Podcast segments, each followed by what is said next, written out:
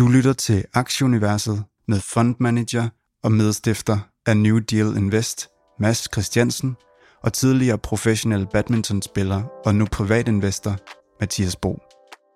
Velkommen til Aktieuniverset. We are living through an era of unprecedented change to our society as well as our economy.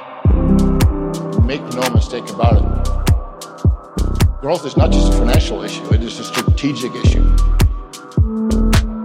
Velkommen til 79. 20. udgave af Aktieuniverset. Sidste udgave inden vores store jubilæum næste uge. Det er i dag fredag den... Hvad har vi den 18, 19. Tror jeg det blev. Fredag den 19. august, ja. Og vi optager øh, fredag formiddag klokken er 1 dansk tid, så det betyder selvfølgelig, at vi ikke får øh, luk i USA med. Men øh, vi kommer lige med en dubfrisk øh, reportage fra Futuresness, som ikke ser for gode ud, så det kan bare være, at vi skal lade fredag være non-event. Men øh, udover det, så synes vi egentlig, at vi har en acceptabel menu til jer. Vi har øh, som altid nogle markedsnyheder, så har vi en del spændende regnskaber. Delivery Hero, Hello Fresh Group, Adian, Global E, Nubank, og så naturligvis Sea Limited, det, øh, det hopper vi lidt ned i. Og så øh, har det været et stykke tid siden, Mads, vi har haft en gæst på, på besøg, men hvilken en vi har hævet op af hatten øh, til dagens udgave, øh, co-founder og CEO Mads Troelsgaard for Synergy XR. Synergy XR øh, hjælper virksomhederne i gang i, øh, i Metaverse. Øh, altså, det kilder alle de rigtige steder, så, øh, så mega spændende. Hvad, hvad synes du? Ja, også vildt spændende, og, og elsker, og, og når det er operatører, vi har med, øh, som, som opererer ude i den virkelige verden. Jeg synes virkelig, det var det masse, han, han kunne hjælpe med at, at bringe det til live. Hvordan er det så, at, at virksomheder de kan komme i gang med den her øh, nye teknologi, som, øh, som, som rigtig mange virksomheder utvivlsomt kommer i gang med ned ad vejen. Så det var mega spændende. Og så er jeg enormt spændt på at høre, om du har fået købt bitcoin, øh, måske her en af de sidste dage, fordi at det har da godt nok taget en, en tur nedad. Øhm, og, så, og så sidder jeg og tænker også, at vi skal have en soufflør ind. Altså, øh, det er vel øh, 98's 20. udgave, og ikke 78's 20. udgave. Og, og, og ja, det er den 19. marts, og vågn nu lige op ude i Tokyo. Ja, der, nu, nu tror jeg, du tog en buks, sagde jeg ikke 99. 20. udgave? nej, nej, hvad er det 99? Jeg, jeg, jeg tror, du sagde 78. 20. Men, så, øh, men må vi få det rigtige tal? Jamen, det er 99. 20. Vi har sgu 100, 100, 100 års jubilæum næste uge, Hold så det var egentlig det, jeg prøvede at lade op til. Men det kan da godt være, jeg har heller ikke sovet så meget, at det vil jeg gerne indrømme, fordi jeg sad på et rædderligt uh, Air India flight. Så selvom den var svunget op på en business class, så øh, var der altså ikke meget øh, business over det. Øhm, ej, jeg gider ikke engang nævne morgenmaden, det var nærmest pinligt. Nå, vi, vi kører indeks øh, og, og prøver at holde den på sporet. Øh, S&P'en ligger lige 0 plus øh, inden, inden åbning i dag. Dow øh, er, en, er en lille smule oppe, Nasdaq en lille smule nede, 0,2, og, øh, og DAX'ens ligner ligger i minus PT i 1,7, C25 minus 1,6, den 10-årige rente ligger i 2,78, Olien, den ligger i 88 dollars, og jeg tror, at Nasdaq'en, den ligger omkring minus 1,2 nu, eller sådan noget. Det er da ganske forfærdeligt. Så, øh, så det er ikke så kønt lige nu, men øh, vi håber, ja, minus, øh, minus 0, øh, 109. Så vi håber, vi kan, vi kan rykke lidt tilbage tidligere, og så løftede du lige sløret for for bitcoin, der har faldet her de sidste par dage. 24 var vi i sidste uge, da vi sendte, og, øh, og nu er vi altså i 2100, og, øh, og Ethereum var i 2000, og nu er vi i, i, i øh, 21.000, og bitcoin i, og Ethereum er i, var i 2000 sidste uge, og 1731 as we speak. Så øh, ja, øh, vi, vi, vi bakker lidt i øjeblikket, øh, men øh, ja, vi, øh, vi håber måske, at vi kan nå at råde lidt bod på det fredag i dag. Det vil ligne i hvert fald en dag, hvor vi skal kæmpe os lidt hjem. Ja, det gør det. Og det er jo, jeg, jeg så en, en, øh, en opgørelse af, hvor, hvor hedgefondene ligger endnu, nu, lige nu, dem der er aktive, og de ligger, de ligger alle sammen positioneret for at, eller alle sammen, men, men der er en overvægt af, af markedsdeltagere, som er positioneret til, at vi skal have et ben mere nedad øh, nu her, at det her det har været et bear market rally, og det kommer også til at gælde både øh, Øh, både krypto og, øh, og, og vækst og almindelige aktier også. Øh, så øh, det bliver super spændende. Altså den anden side af det, det er, at, at hvis, hvis en, en stor del af markedet, en stor del af en aktiv del af markedet, er positioneret til, at vi skal nedad, og det så ligesom bliver aflyst, og vi skal opad igen, så er der godt nok mange, der er på den forkerte side af, af rigtig mange ting. Så ja, spændende tider. Vi har starter med et lille nyt punkt, som vi, øh, som vi kaster ind her i starten af podcasten, og vi har egentlig valgt at kalde den uh, Delivery. Uh, det er godt, at vi ændrer uh, den titel en lille smule, men det er simpelthen her, hvor vi sådan, som, som fast program vil præsentere alle de her nyheder fra, fra de her last mile delivery services, Good Food og Hello Fresh Group og uh, uh, ja, you name it, uh, Uber Eat og alt det her. Så uh, det er egentlig uh, Masses lille hjertebarn, så du får bare lov at, at, at, at take away med, uh, med, med, med ugens nyheder inden for det her, Mads. Jamen, jeg synes, det er så sjovt et punkt, fordi det er, det er jo det her, DoorDash kalder det local marketplace, at de bygger. Og det er jo det her med, at man sidder hjemme og bruger sin mobiltelefon til at bestille det, man nu har brug for, og så, så kommer det øh, flyvende. Og jeg tror, i sidste uge snakkede vi om, at man kunne begynde at bestille creme via DoorDash. Nu har DoorDash partneret op med noget, der hedder Grocery Outlet, så man kan begynde at, at sende øh, friske grøntsager øh, hjem til øh, og, og supermarkedsvarer øh, hjem til folk. Øh, Good Food, de øh, udvider med øl og vin øh, nu, og Uber, de begynder at samarbejde med Offit Depot for at kunne øh, levere skoleartikler øh, øh, hjem til folk. Og så den helt store nyhed i den her branche øh, lige nu, det er, at øh, Just Eat Takeaway har solgt iFood øh, deres andel af iFood, cirka 33% af iFood, til øh, øh, og, og Prosus. Og Prosus er jo den øh, hollandske notering af, af, af den sydafrikanske øh, virksomhed, så nu knækkede min mandehjerne øh, i med, med navne.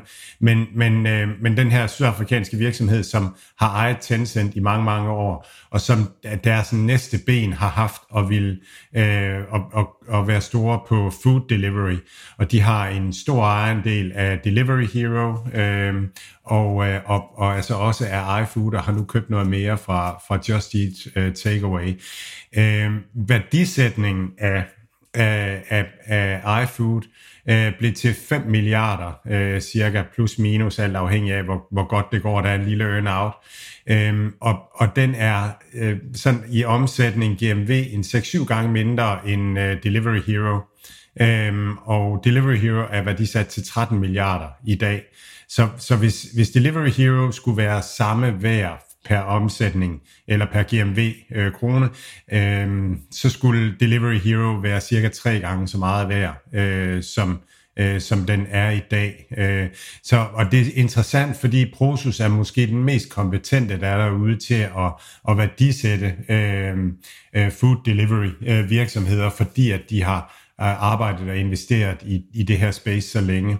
iFood er kun i Brasilien øh, ikke andre steder, øh, men er totalt markedsledende i, i Brasilien. Så det er virkelig spændende. Ja, vi vender jo tilbage til dem, som jeg lige teaser for før, med noget regnskab fra, fra både Delivery Hero, det, det kigger vi lige lidt nærmere på, og også Hello Fresh Group. Øhm, to af de helt tunge, tunge drenge i klassen, Warren Buffett og Bill Gates, de har været ude og købe lidt op. Warren Buffett var ude og øge sin position i, øh, i Apple, og øh, i Amazon kom det frem her i starten af ugen. Uh, han ligger jo, jeg tror, over 40 procent nu af Berkshire Hathaway, der er i, i Apple, og han kan så også godt lide Amazon, som, uh, som han så også har valgt at, at købe op i. Så uh, ja, det er, det er, en, det er en koncentreret, relativt lille, lille portefølje med, med de her øh, store, og så selvfølgelig olieselskaberne og noget bank og, og Coca-Cola, som, øh, som den fond indeholder pt. Så han ser i hvert fald stadigvæk i, i, øh, i, hvad hedder det nu, potentiale i Apple, og det var meget sjovt, jeg så lige et tweet, du havde svaret på, hvor der var en, der havde spurgt med, med de fem store, hvem, hvem du troede, der var størst chance for, ikke var der i, i 2030 på Twitter, og der havde mm. du argumenteret for Apple, så du er ikke den helt store fan af Apple, jeg er til gengæld stor fan af Apple, og tror faktisk, at PT er det min største enkeltposition i en aktie. Øh, jeg, jeg tror, jeg, jeg kan sagtens se, at du har ret, og jeg forstår din argumentation, øh, og det kan også sagtens være på en 10-årig sigt, at, at der sker noget, det har vi jo set før med andre nok, Nvidia og, øh, og Sony Ericsson og hvad de ellers hedder, så det kan ikke, jeg, jeg tror bare, det her univers, man har bare spist så langt ind i det, det tager i hvert fald, det er i hvert fald på mere end, en fem år i sigt, at det, det tager for at snørkle ind ud af det her, og formentlig så har de så godt fat i, øh, ja, i underbukserne på en, at man nok ikke slipper, slipper fra det. Men øh, det kan være, du får ret, det må tiden vise. Jeg skal i hvert fald ingen steder i mine Apple-aktier lige øh, pt.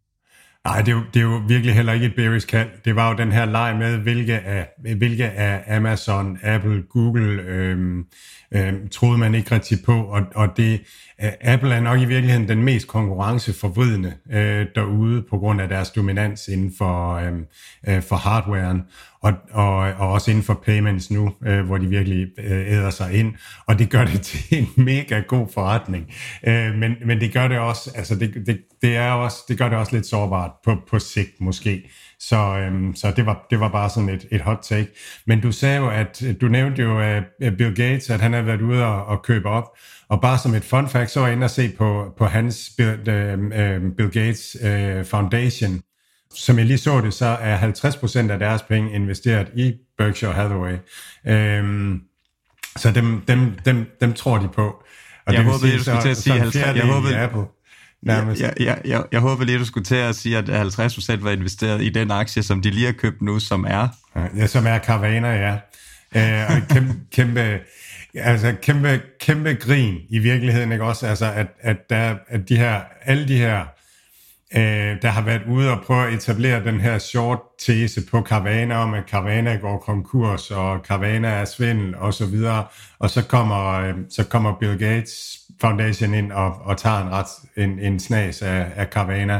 Det er sådan lidt et blåstempel. De har nok lige kigget under, øh, under dynerne og sådan lidt rundt i krone, hvad der ligger af, af, af skidt og kanel. Så det gør, det gør i hvert fald meget tryg, når jeg sådan kan se potentiale i, i business casen, og så når der er de her øh, der tør tage de store bets på den, så, øh, så, så føles det godt. Det er ikke en stor bet for Bill Gates Foundation, men, men det, er, det er stadigvæk en stor andel af Carvana.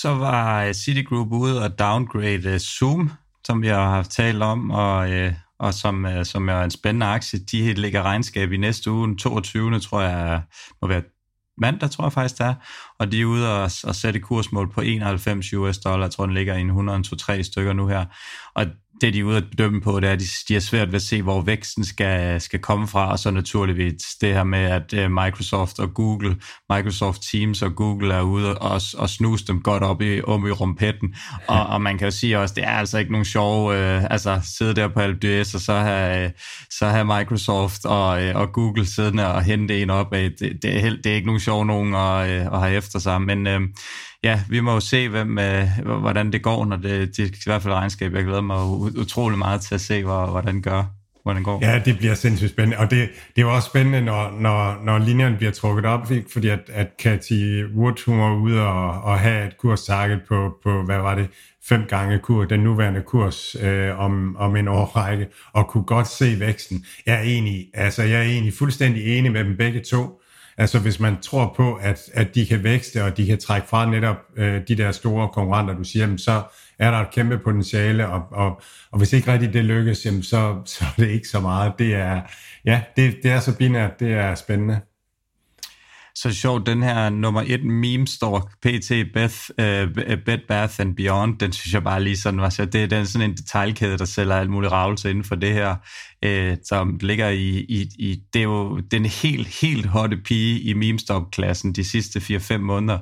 I, i juli måned var kursen 4 dollar, så var den op i 28 i, uh, i tirsdags, så øh, røg den ned igen og så er det lige kommet frem her i går, at, øh, hvad hedder det nu, GameStops øh, chairman, øh, Ryan Cohen hedder han, han har solgt hele sin øh, position torsdag, øh, og det betød altså, at, øh, at aktien den faldt 18% torsdag, og pt. i dag ligger den i futures minus 40%, så øh, det, det svarer til cirka 10 US dollar. I tirsdags var den altså i, i 28 US dollar, så det er absolut, tror jeg bare, man skal have den med på sin watchliste, fordi det er sjovt at følge noget så øh, corporate Detroit-agtigt, og det, det, der, der er man altså kæmpe favorit til at tabe alle sine penge, man, øh, eller i hvert fald mange af dem, hvis man investerer i det her, så, så er det bedre at tage en, en tur til Las Vegas og, og spille casino, tror jeg, så får man da i hvert fald øh, drinksene gratis, fordi det her det er helt vildt, men, men super sjovt at, at følge med i det her kaos, og hvordan folk de bare sidder og får, får hypet det op, og hvordan det egentlig også virker med at få hypet det her op, og, og så den her snak, vi også har haft om tidligere, jamen sidder der nogle helt store gutter, sidder der nogle af de her hedgefonde bag det her, og, øh, og, og, og kører, kører det her spil, så de alligevel fordi det er jo ikke, det er jo ikke 500 dollar, der, der rykker den her aktie. Vi er oppe i rigtig mange penge, og for sådan en aktie i den her størrelse, trods alt stadigvæk til at, til at stige så meget, så, så, så det er altså ikke 500 kroner, de, de smider i det. Så, så et sjovt spil, og øh, ja, øh, også nok på kanten, så, så hold jeg måske bare til at have den på watchlisten. Jamen, så han har jo fået smag for det fra, fra GameStop, ikke? Fordi at, at at, at GameStop var jo også, var jo også en, en, nogle kæmpe short positioner, der bare ikke øh, havde ben at gå på. Altså hvor at, at, at man var sikker på, at den gik konkurs, og så er det jo gratis bare at sælge mere og mere short, men når den så ikke går konkurs, altså, så er der virkelig mange, der skal ud af udgangen. Og vi har set det den her uge også med, med, med Fubo TV, øh, som, som jeg også talte om sidste gang, som, som er den her virksomhed, som, øh, som, som øh, laver sportstreaming, og som giver super god mening, sådan content-wise og sådan nogle ting, men, men, øh, men, men de der finansielle øh, guruer der, de har bare sagt, det, det der, det kan ikke lade sig gøre, det går nedenom og hjem. Så kom de med et okay, øh, nogenlunde normalt regnskab, hvor der ikke rigtig lige var død og ødelæggelse, og så var de ude på investordag og forklare, hvad det egentlig var, de byggede. Og lige pludselig så markedet sådan, okay, bygger I det? Øh, og så, så skulle vi op med 50 procent. Men det er også et udtryk for, at der ligger rigtig mange shorts, som, som ligger... Øh, som, som måske ligger for hårdt short i, i noget, der rent faktisk godt kunne gå godt, og så er der bare ikke øh, udgange nok øh, i det. Og det er lidt det samme, vi ser i Caravana med, med 27 procent af, af Carvana short, og nu lige pludselig så kommer Bill Gates ind og siger, vi tror, det her det bliver en mega god investering på lang sigt, så begynder det sådan at, at være svært at, at, at komme ud. Og, og det, det, når man først har fået smag for at finde de der bets, så, øhm, og så når man har gjort det en gang, jamen, så kan man jo også få folk til at løbe efter det. Øh, så øhm, ja, så det kunne være rart at, at holde øje med, hvor, hvor, hvor sådan en gut han investerer henne. Har du noget mere, du vil tilføje for, for Fubo TV's Investordag, eller var det var det? det? Jeg har ikke set uh, Investordagen endnu. Uh, der er lige kommet et par regnskaber, Mathias, i den her uge her. Far har haft lektier for, Nå, så, okay. så ja, ja. Jamen, det, det glæder jeg mig til. Det holder jeg da op på om, uh, om et kvarters tid eller noget. Vi skal lige have en nyhed fra Embracer. Det er lang tid siden, vi har været for, forbi dem. Hvordan, uh, hvordan går det der? Jamen, uh, mailen, der var rødglødende fra deres Investor Relations her i forgårs, så jeg væltede ind med mails om alle mulige virksomheder, de havde købt Øhm, og, og så det sjoveste køb, synes jeg, det var, at de har købt en virksomhed, der hedder Middle Earth Enterprises. Og øh, no surprise, det er selvfølgelig øh, Tolkien's øh, Ringenes Herre og Hobbiten øh, IP'er, øh, som ligger deri. Så det har de altså, det har de altså købt. Det er jo fantastiske øh, IP'er, øh, som de har købt op. Og det er ligesom, øh, det er Lars Vingefors' game med, øh, med Embracer og, uh, og få hans datterselskaber, at de køber IP'er op øh, løbende. Ja, det er, det, er, det er spændende. Det er virkelig spændende, og det, det er jo sjovt, at han er kommet op i den liga nu. Altså, det er ikke, det er ikke lige... Øh, det er ikke lige øh, øh, en månedsløn eller sådan noget, man hiver op, når man skal købe, øh, købe de der IP'er. Så tager vi lige en tur til øh, Mercado Libre og øh, krypto. Yes. Coin. Yes. Yes. Hvad går det ud på? Jamen, uh, Mercado Libre kom med deres egen uh, Mercado Coin, uh, som, uh, som er en, uh, en uh, crypto uh, coin, som de bare håber på uh, skal til the moon. Nej, det er, det er, det er en måde at give, give brugerne uh, lidt, lidt cashback. Så, så får de cashback i, um, i Mercado Coin, og så kan man bruge Mercado Coin på platformen. Og, men man kan kun handle Mercado Coin inde på Mercado Libres egen kryptoplatform, og så kan man altså bruge den til at, at handle med.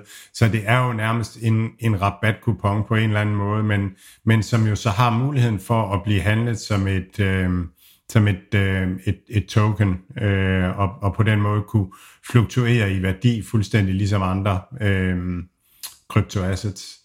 Så, øh, så spændende. Og det, altså, så Mercado Libre er faktisk i, i New Deal Invests øh, øh, blockchain øh, portefølje af samme grund. De har, de har deres wallet, og, og de arbejder med den her teknologi, og de, de bliver en af dem, der kommer til at, at, at være førende inden for blockchain, sikkert på mange forskellige øh, fronter i Latinamerika øh, i fremtiden. Lad os lige komme over til opstart. Det talte vi jo om i sidste uge her, og at det er ikke fordi, den her uge har været mindre volatil, sådan som det ser, ser ud. PT, der ligger vi i spreadet sådan cirka fra, ja, hvad står der her, 37,5 US dollar, og, og lige nu her ligger den 4% ned, så den er nede i 29, så den er simpelthen lige spreadet fra 37 til, til 29 og startede i, i omkring noget 233 eller hvad var det, det var der er fortsat smæk på, øh, på drengen. Det kunne være, at du skulle swing trade den masse, øh, og så tjene en masse penge på det. ja, ja, ja. Altså man bare ramme. øhm, så, så ja, det, ja, det er relativt det, væsentligt. Ja, ja, det er ja. Men, men altså, de får en stor samarbejdspartner mere øh, på øh, en, en kreditforening, øh, som er, er en af de store, øh, de har fået på. Og, og det, det, de kommer jo i en lindstrøm, øh, de her. Øh, så Ja, det, jeg, jeg synes, det ser okay ud. Det føles ligesom, det, det, det føles ligesom Fubo gjorde for, for et, en 3-4 uger siden. Den her lindestrøm af egentlig er pæne nyheder, og at, at man får fornemmelsen af, at der sidder en ledelse der, der bare arbejder med at udvikle forretningen. Ikke? Også de er, får billån øh, etableret og, og, og lån til små, øh, kredit, øh, små virksomheder også. Så det, det kører stille og roligt. Jeg tror, det kommer til at gå stille og roligt. Nej, det gør det ikke. Det bliver vildt. Men, men, det bliver øh, vildt. Ja, det, det bliver, skal nok. Det bliver pis godt. Mads, lad os komme over til øh, din øh, navne, navnebror Mads i Synergy XR og hoppe ned i øh, Metaverse. Fedt.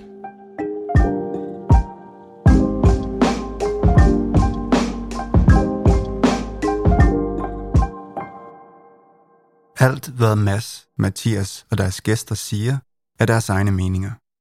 Det er ikke finansiel rådgivning. Denne podcast er udelukkende ment som information og skal ikke bruges til at lave beslutninger om investeringer.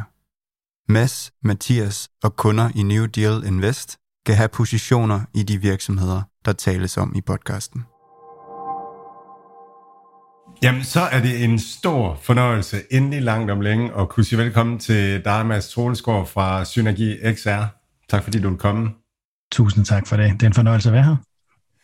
Og, øh, og vi har teaset noget for det her nogle gange, øh, og nu, nu er det endelig kommet kom på staben. Det er vi simpelthen så, så glade for. Og Synergi X er jo en sindssygt spændende virksomhed øh, af nogle årsager, som, som de opmærksomme lyttere måske har fanget, og det kommer vi til øh, ned ad vejen.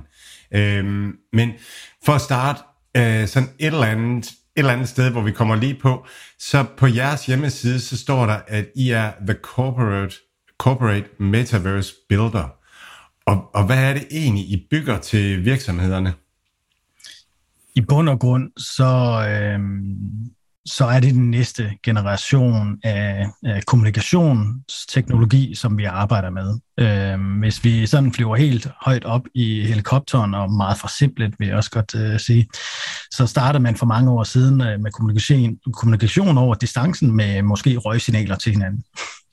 Øh, så, øh, så går, hvis vi spoler lidt frem i tiden, jamen, så begyndte vi at få, øh, øh, øh, vi kunne, øh, hvad hedder det, øh, øh, begynder at, at ringe til hinanden med, med telefoner. Øh, så fik vi internettet, øh, så fik vi smartphones, øh, og den næste generation af teknologi, som, som så kommer i den her række, det er så det, der hedder XR-teknologi, som er både af augmented øh, reality og virtual reality. Og de her teknologier, de enabler, øh, de åbner op for, at virksomhederne øh, kan nu kommunikere og samarbejde på et helt andet niveau, end man har kunnet nogensinde før. Øh, det kan være, at du kan få, det, ja, hvad skal vi sige, det enabler faktisk øh, telepresence-oplevelsen af, af, at man er øh, som et menneske et helt andet sted, end man fysisk er. Det kan også være telepresence, altså øh, af produkter eller øh, områder. Og det muliggør, at vi kan være andre steder. Det vil sige, at du vil kunne tage som et almindeligt menneske, hvor du sidder hjemme i din lejlighed, men så kan du tage et par briller på for eksempel, og hoppe ind i et virtuelt univers, og pludselig så står du i et klasselokal, øh, hvor du modtager noget teoriundervisning af en øh, kollega eller en underviser et helt andet sted i verden. Øhm, og dine øh, klassekammerater eller kollegaer, som er til stede sammen med dig i det her øh, virtuelle univers, de øh, kan også være fuldstændig vidt forskellige steder i verden, men øh, i det her univers kan du så modtage en form for vidensdeling, øh, kommunikere, du kan lære om produkter, øh, produktkendskab kan det blive især brugt øh, til virksomheder, men det kan også være ren og skær rå teoriundervisning inden for øh, bakterier eller øh, anatomi, eller det kan være hvad som helst, men man har lige pludselig en mulighed for at kommunikere på et helt andet plan, hvor du får fuldstændig oplevelsen af, at du er der fysisk. Og det er der en lang række fordele ved. Øh, det kan være, øh, du, du sparer selvfølgelig, at du skal ud og rejse, så du behøver ikke, ja. at, at, om det er så at sætte op på din cykel og cykle hen til dit universitet, eller om øh, det er at hoppe ind, øh, køre ud til lufthavnen, sidde derude og vente, øh, tjekke din bagage ind, hoppe ind i en flyver, rejse 15 timer på den anden side af jorden for at mødes med nogle øh, andre kollegaer derovre for, at nu skal du modtage et eller andet øh, igen øh, et kursus, eller have et andet møde, et vigtigt møde omkring en dims eller en maskine eller en produktionslinje.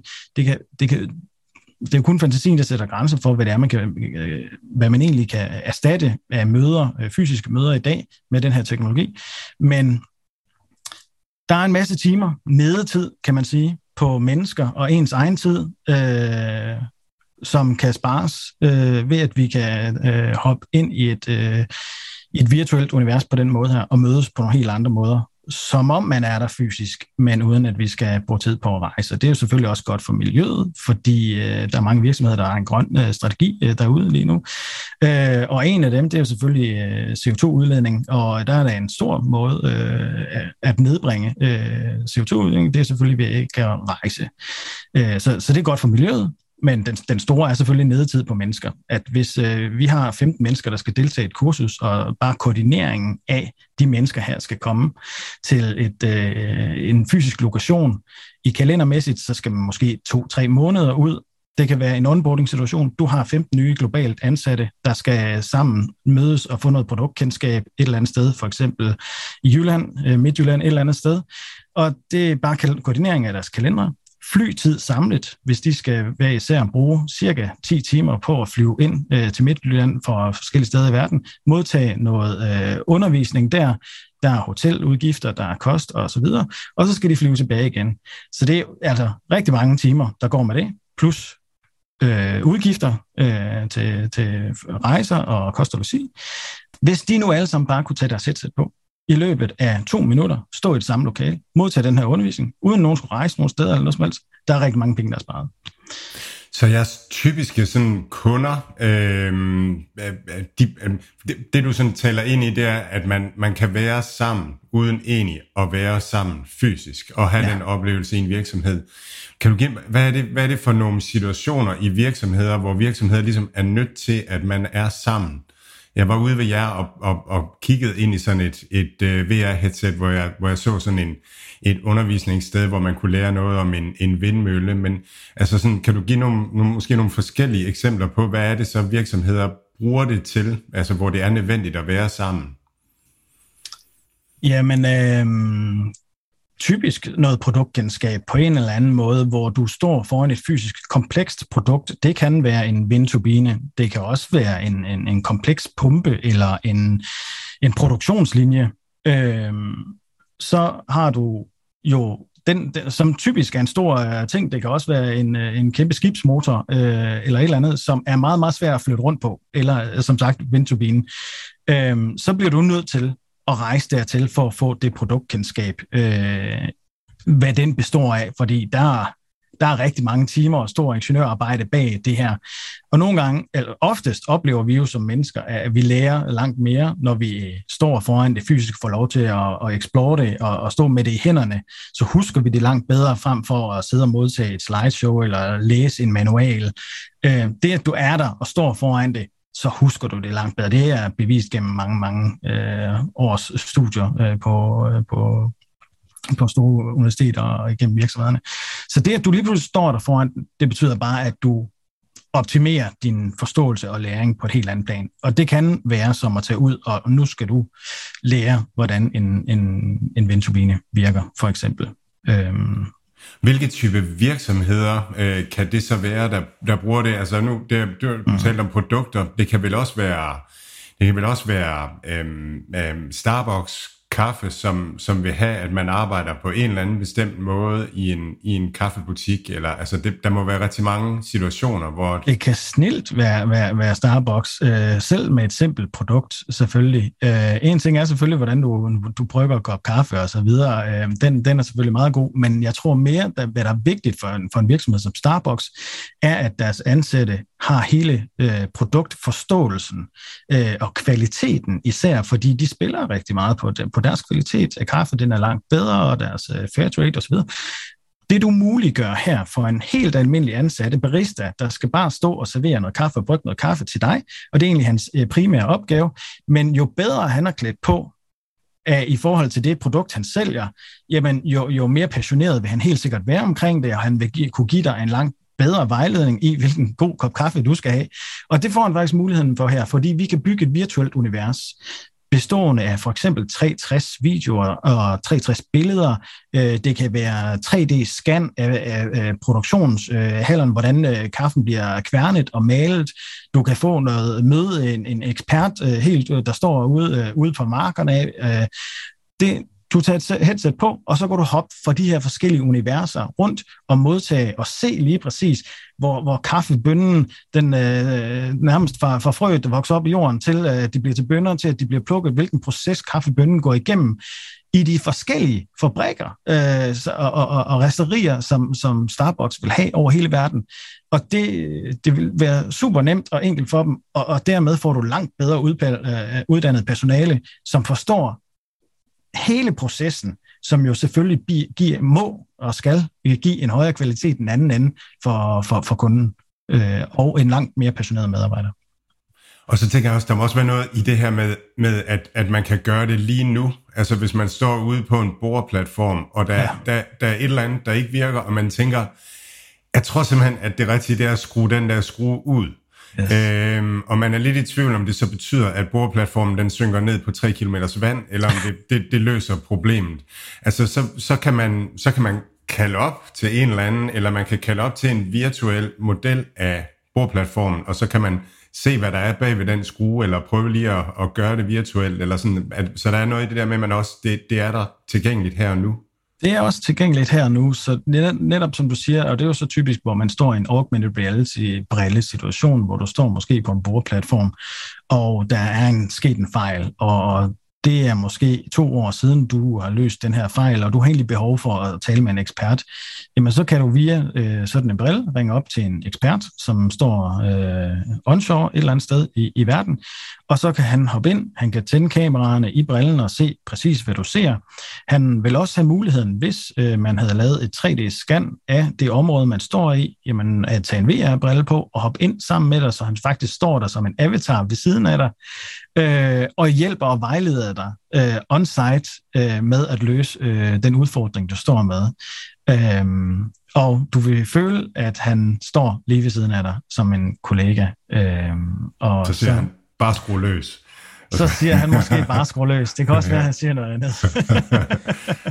Mads, Mads, det er jo helt, det er helt vildt spændende det her, og både Mads og jeg, vi prøver at, at forstå det her. Jeg tror også sådan løbende med tiden, vi, vi får bedre og bedre forståelse for det her, selvom at det stadigvæk nogle gange lige slår lidt knuder i, i hjernen. Inden vi, inden vi dykker mere ned i, i det her øh, produkt her, så skal vi lige høre lidt om jer også. Kan du ikke lige, øh, I har en, en ret fascinerende og spændende historie, kan du ikke lige fortælle lidt om, hvor, hvor I kommer fra i, øh, i Synergi øh, XR?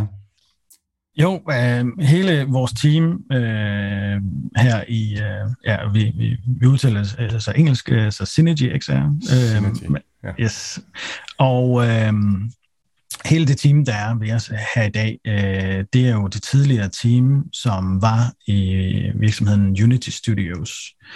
Og Unity Studios var en, øh, en, hvad kan man sige, en konsulentvirksomhed, som har arbejdet i øh, over et årti øh, med nogle af de største virksomheder i verden. Og vi har faktisk relation til Unity Technologies founders. Vi blev faktisk, øh, Unity Studios blev stiftet af, af dem tilbage i 2008, hvor der kun var 14 ansatte øh, i uh, Unity Technologies dengang.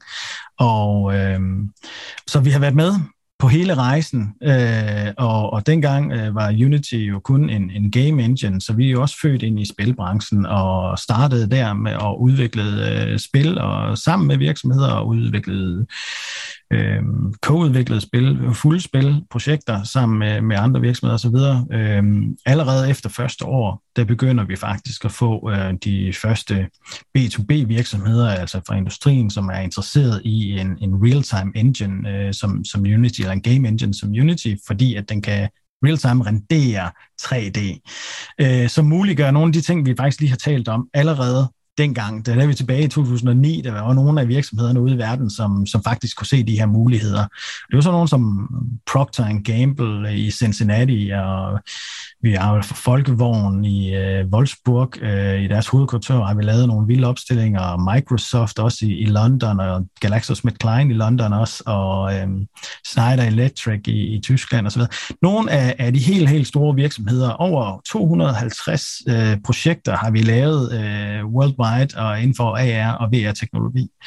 Og øh, hele den her lange erfaring med at arbejde med virksomhederne og, og skræddersy projekter til dem, var, var ligesom det, der lagde, lagde base til, til Synergy XR. Øhm, fordi øhm, omkring 2017, da vi efterhånden har lavet det i rigtig mange år og bygget nogle vilde projekter, så begynder vi at sætte, sætte nogle af de her virksomheder sammen øh, i nogle netværksgrupper, øh, fordi at vi har jo øh, NDA'er, non-disclosure agreements med dem alle sammen, så vi, vi kan jo ikke fortælle øh, Grundfos, vi arbejder for Grundfos, vi arbejder for Saxo Bank, vi arbejder for Novo Nordisk osv., og de vil jo gerne vide, hvad hinanden laver, men, øh, men vi, det, det kan vi ikke fortælle dem. Så, så det vi gør, det er, at vi inviterer dem alle sammen ind til at sidde rundt og bordet fysisk øh, på det her tidspunkt, både i København og Jylland, og så lader vi dem åbne op for hinanden, øh, hvad de så har lyst til at fortælle, og så er det jo ikke os, der bryder nogen kontrakter. Øh, og det kommer der faktisk en masse spændende ting ud af, Øh, og vi identificerer herunder et, øh, et behov for en platform, øh, som gør det nemt, hurtigt og billigt for, for virksomhederne at selv at lave deres egen augmented og virtual reality øh, øh, oplevelser, uden at skulle skrive en linje kode, eller uden at skulle hyre nogle hvad kan vi sige, dyre konsulenter, som, som Unity Studios dengang var. Selvfølgelig, altså i forhold til IT-konsulenter er dyre og så videre. Øh, jeg vil så sige, at vi var nok i den billige ende, hvis man øh, sammenligner med mange andre store virksomheder i, i Danmark i dag. Øh, men, men stadigvæk, det at du er afhængig af eksterne konsulenter til at bygge de her verdener for dig.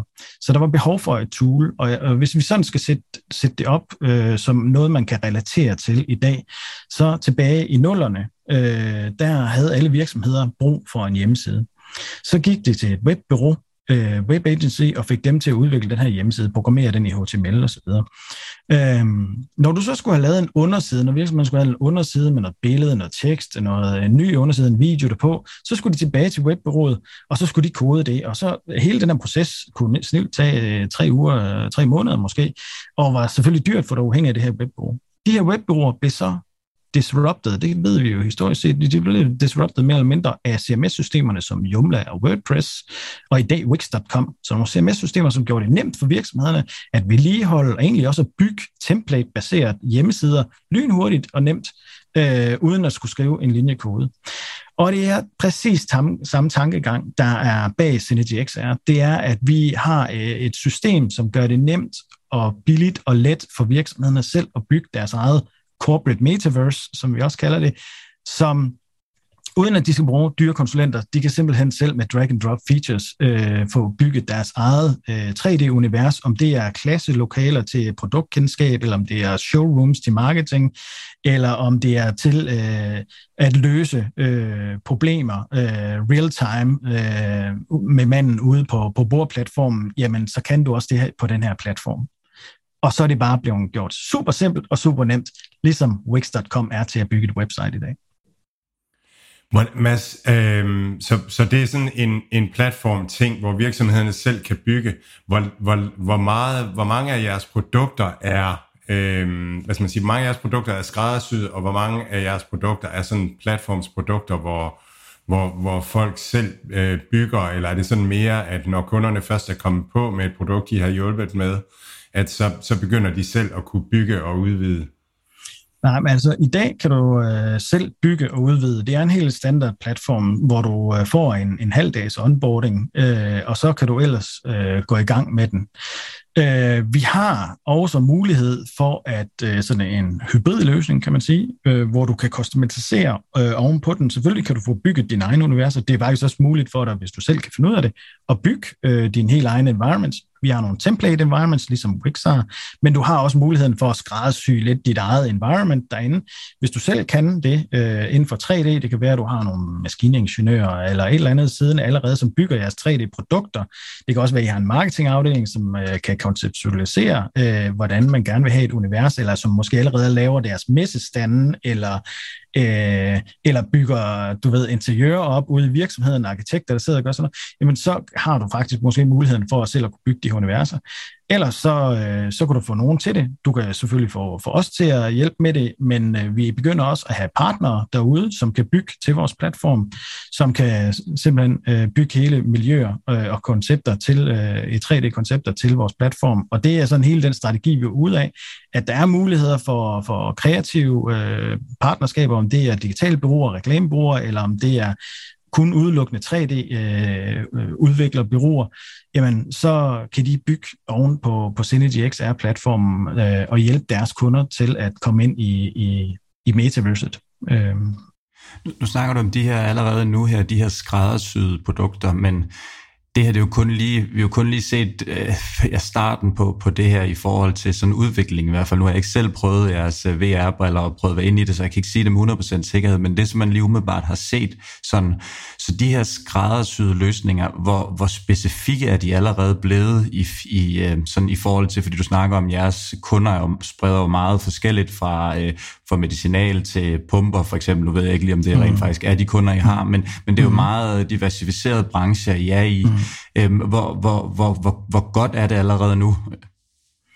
Jamen, det er, det er, hvad kan man sige, det, det er super godt. Det er rigeligt til, hvor vi som mennesker er i dag. Altså folk, som først skal til at lære de her teknologier at kende og adaptere dem og forstå dem og forstå mulighederne med det, jamen så, så har vi PowerPoint øh, øh, her. Ikke? Det, er, det er ligesom at sidde og bygge en PowerPoint øh, på din computer. Så nemt er det også at, at bygge på vores platform. Øh, øh, og det tager ikke så lang tid for, for selv den mest uerfarne øh, til, til at komme i gang med det her, ikke vide noget omkring det her. Så, så vi er rigtig langt. Der, hvor vi er begrænset, det er selvfølgelig i øh, detaljerne øh, og, og øh, interaktionsbegrænsninger på, hvad kan du gøre? Og det er klart, at vi bliver nødt til at sætte nogle grænser, for, fordi ellers så bliver det lige pludselig et meget, meget komplekst øh, værktøj at bruge, og det er ikke hele essensen. Hele essensen ved, og det er jo igen noget, vi har identificeret øh, ved at arbejde 10 år øh, med de her teknologier og hjælpe virksomheder med at implementere dem øh, rundt omkring i verden, det er, hvis det her skal blive implementeret, AR og VR-teknologi skal blive implementeret med succes, jamen så skal det være let. Det er hovednøglen. Det skal være nemt at bruge, og det er hele grundstenen og essensen af vores platform, som vi bygger her. Øhm, og så kan det godt være, at når man så har været i gang med vores platform i øh, tre måneder, eller en må, øh, et halvt år, eller et år måske, det er afhængigt af, hvor, hvor med ens ambitioner for at, at komme ind i, i metaverset, så kommer man nok til et punkt, hvor man godt kunne tænke sig mere end hvad platformen kan out of box. Og så er det så her, at man har nogle muligheder for at, at customisere det til, til en vis grad. Øhm, og, og det åbner vi op for, og det er selvfølgelig noget af det, vi også har på vores roadmap, at åbne mere og mere op for de muligheder, øhm, hvad, hvad der kan lade sig gøre på vores platform. Øhm, så, så det er rigtig spændende. Og, og sådan i den tråd med, hvad der kan lade sig gøre, og hvad man kan gøre, så, så vi har vi følger Matterport øh, yes. som, som virksomhed her i, i Aktieuniverset, som, som øh, laver, laver øh, 3D-tvillinger af, af bygninger. Og de, øh, de, en ting det er jo, at man kan se på dem, men man kan også have, have en masse data registreret omkring de der bygninger på forskellige steder, om, og, og man kan have sit data et sikkert sted, og man kan have noget data og nogle modeller, man bygger videre på og sådan nogle ting. Så, så øhm, der må være nogle fordele der også for, for en virksomhed, som allerede har en 3D øh, eller en digital tvilling, som de kan ligesom bygge videre på. Er der, er der, er der noget om det? Ja, men det er helt rigtigt, og, og Matterport er jo også en spændende virksomhed. Øh, tilbage i 2015 arbejdede vi faktisk for Matterport på nogle af deres kerneteknologier, fra de var omkring 40 mand, og så fulgte vi dem op til de var omkring 150 mand. Det havde vi et, øh, et femmands team, der sad her i, i Aarhus og arbejdede på at udvikle deres teknologi i deres tidlige, øh, tidlige dage, øh, og jeg var selv over dem et par gange. Øh, Ja. Man kan se videoen nu, så kan man se, at jeg sidder lige og tør, tør det våde væk i øjenkrogen. Ja, det er både Unity og Matterport, vi kan trække tråd til. Ja, det var, og det er en øh, fantastisk teknologi, de har skabt, øh, baseret på øh, faktisk den tidligere Kinect-sensor øh, fra, fra Microsoft, som øh, de fik den her idé om at sætte tre af de her sensorer sammen, og så kunne den køre rundt og lave et 3D-scan øh, med en utrolig høj billedkvalitet ovenpå. Og, og den her scanner, den har de jo så solgt over hele verden og, og gjort det nemt og lynhurtigt digitalisere øh, og give 3D-effekt eller oplevelsen af, at man kan få den her telepresence.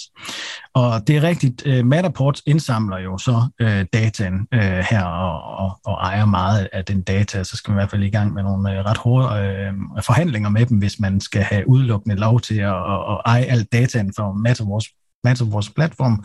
Men ja, det muliggør jo en masse ting, og det er jo ikke, det er jo ikke kun Matterport, øh, der er fuld gang med det her. Der er jo også en årsag til, at uh, Apple er begyndt at proppe uh, LiDAR-sensorer i vores uh, Apple devices, uh, som den nye, uh, eller iPhone 12, 13 og selvfølgelig også 14'eren og iPad Pro øh, har dybdesensorer, som muliggør, at vi kan begynde at, bare af os almindelige forbrugere, begynde at 3D-scanne verden omkring os, og der skabe et øh, 3D-miljøer øh, lynhurtigt on the fly.